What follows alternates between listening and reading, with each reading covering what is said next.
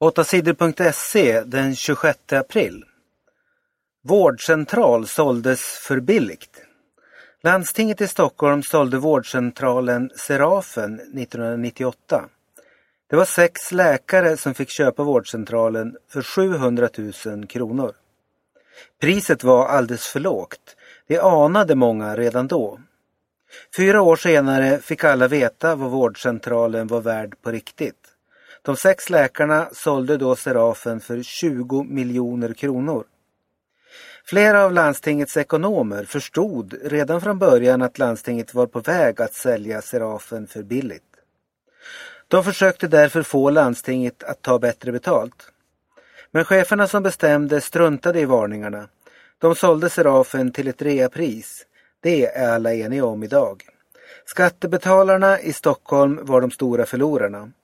De 20 miljonerna som stockholmarna kunnat få för Serafen gick istället till sex läkare.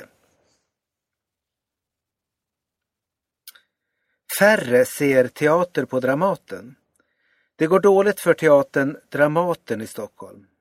Förra året minskade publiken väldigt mycket. Teatern förlorade 23 procent av publiken under 2011. Dramaten förlorar också allt mer pengar.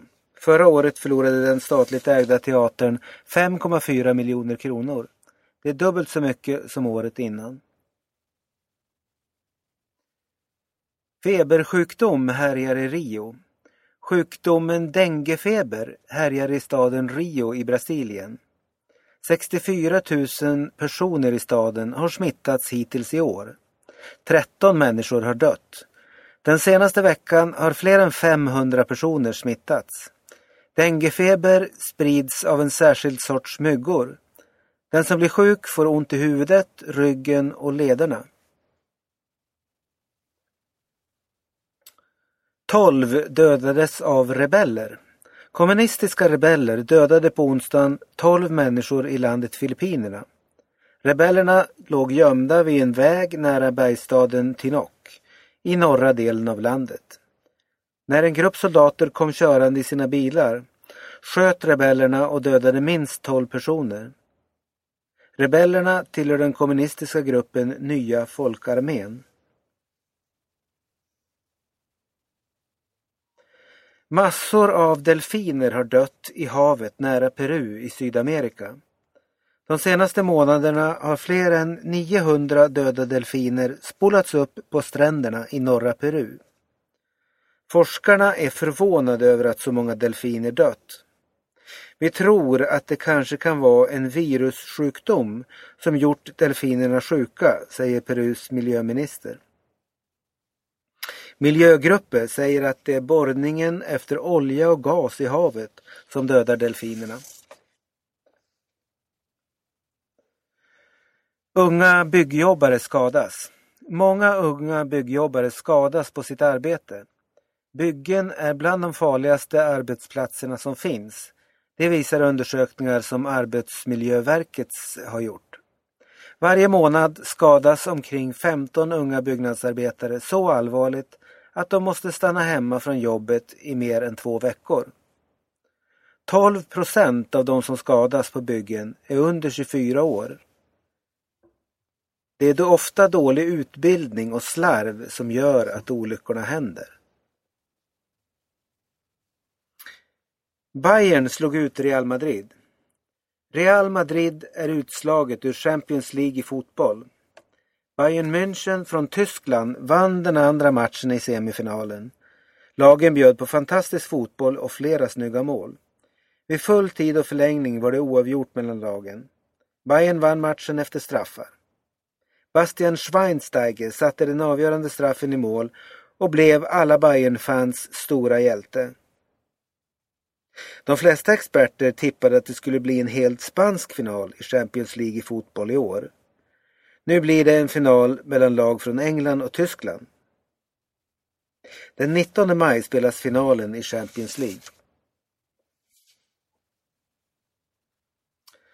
Camilla bakar godaste pizzan. Camilla Seidel bakar Sveriges godaste pizza. Hon vann onsdagens pizza-SM i Stockholm. 20-åriga Camilla gjorde en pizza helt utan kött. På Camillas pizza var det fikon och chèvreost. S vill ordna praktik åt unga. Ungdomar som inte gått ut gymnasiet har mycket svårt att få jobb. Socialdemokraterna har ett förslag för att ge de här ungdomarna utbildning.